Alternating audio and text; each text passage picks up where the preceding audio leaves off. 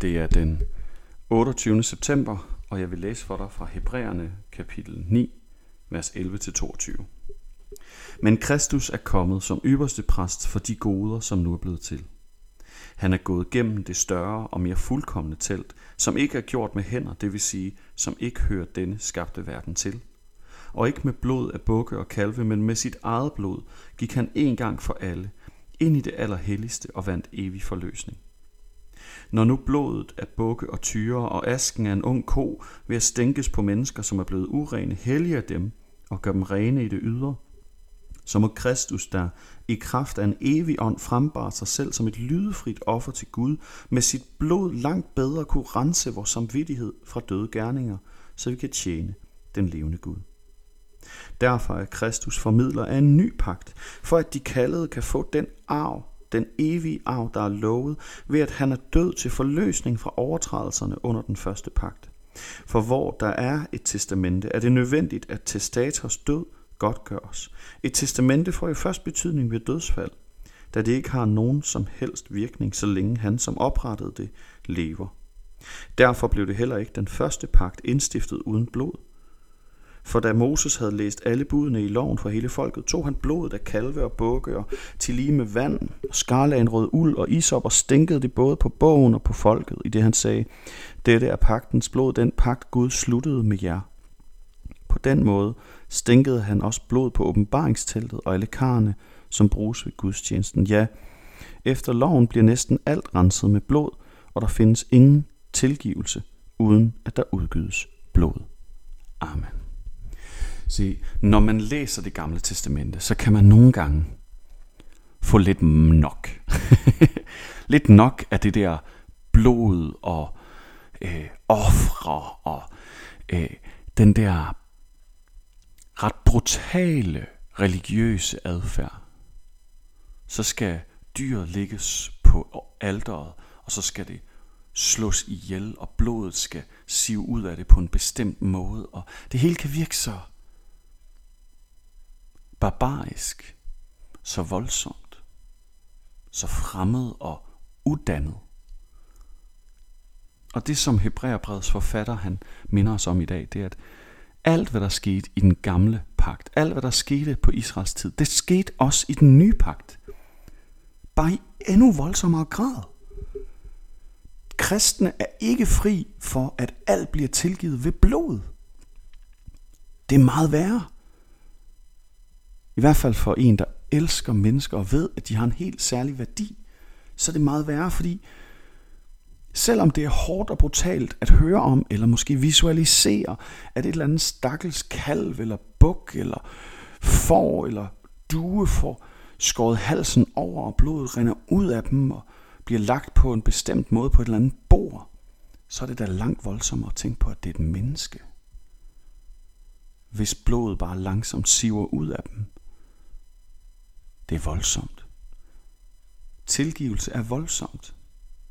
Og det er det, som den her fantastiske forfatter, han minder os om. Tilgivelse er ikke gratis. Tilgivelse er ikke bare noget, vi gør, og som ikke koster noget. Det koster noget. Det koster blod.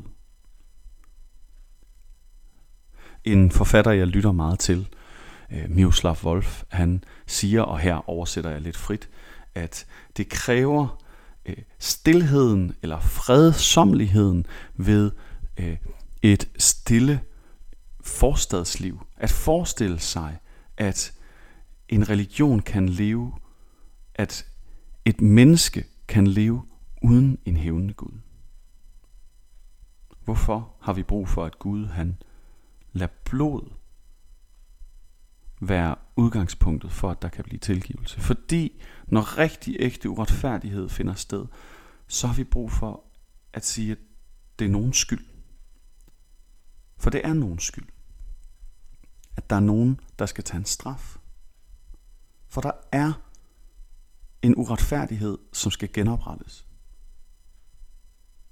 Det er helt menneskelig, helt almindelig adfærd.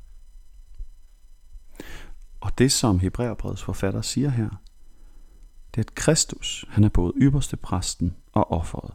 Hele den der tempelkult, som han taler ind i, den israelske tempelkult omkring templet i Jerusalem, der sætter han Jesus ind som ypperste præsten, der sørgede for, at offrene blev gjort rigtigt. Men han gik ind i det mere fuldkommende telt, i den himmelske sfære. Han gik ind, og han lod ikke blod fra bukke og kalve blive offret. Han udgød sit eget blod. Og på den måde er han formidler af en ny aftale, en ny pagt, en ny genoprettet forsonende forbindelse til Gud. Det er ham, der er udgangspunktet. Og det gør alverden til forskel, at det er ham. For det betyder, at den uretfærdighed, vi kan møde i den her verden, i vores eget liv, høre om, smage på, den bliver ikke bare ladt lige glad hen. Det er ikke bare noget, vi skal komme videre fra. Det er noget, som der er blevet udgivet blod for. Og derfor kan Miroslav Wolf sige, at det er vigtigt, at vi har en retfærdig Gud, som straffer ondskab. For ellers så vil vi have brug for selv at søge retfærdighed. Men retfærdigheden er sket fyldest. Det var ikke forbryderen, hvis blod udgød. Det var Jesu blod. Kærlighed koster. Tilgivelse koster. En genoprettet relation koster. Nogen må sige undskyld. Nogen må gøre bod. Og det fantastiske kristne budskab er, at båden er gjort. At forsoning er muligt. Og at det ikke koster andet, end at du ønsker at have forholdet til Gud igen. Lad os bede sammen. Gud, det er svært at forene os med billederne af blodoffre på aldre. Hjælp os til at forstå, hvordan at det gammeltestamentlige offer var intet at regne for det, du gjorde. At her var det ikke lydfri dyr, men en lydfri søn, som opgav sit liv, for at vi kunne blive en del af familien igen. Tak, Jesus. Bare tak. Amen. Kan I have en rigtig dejlig dag.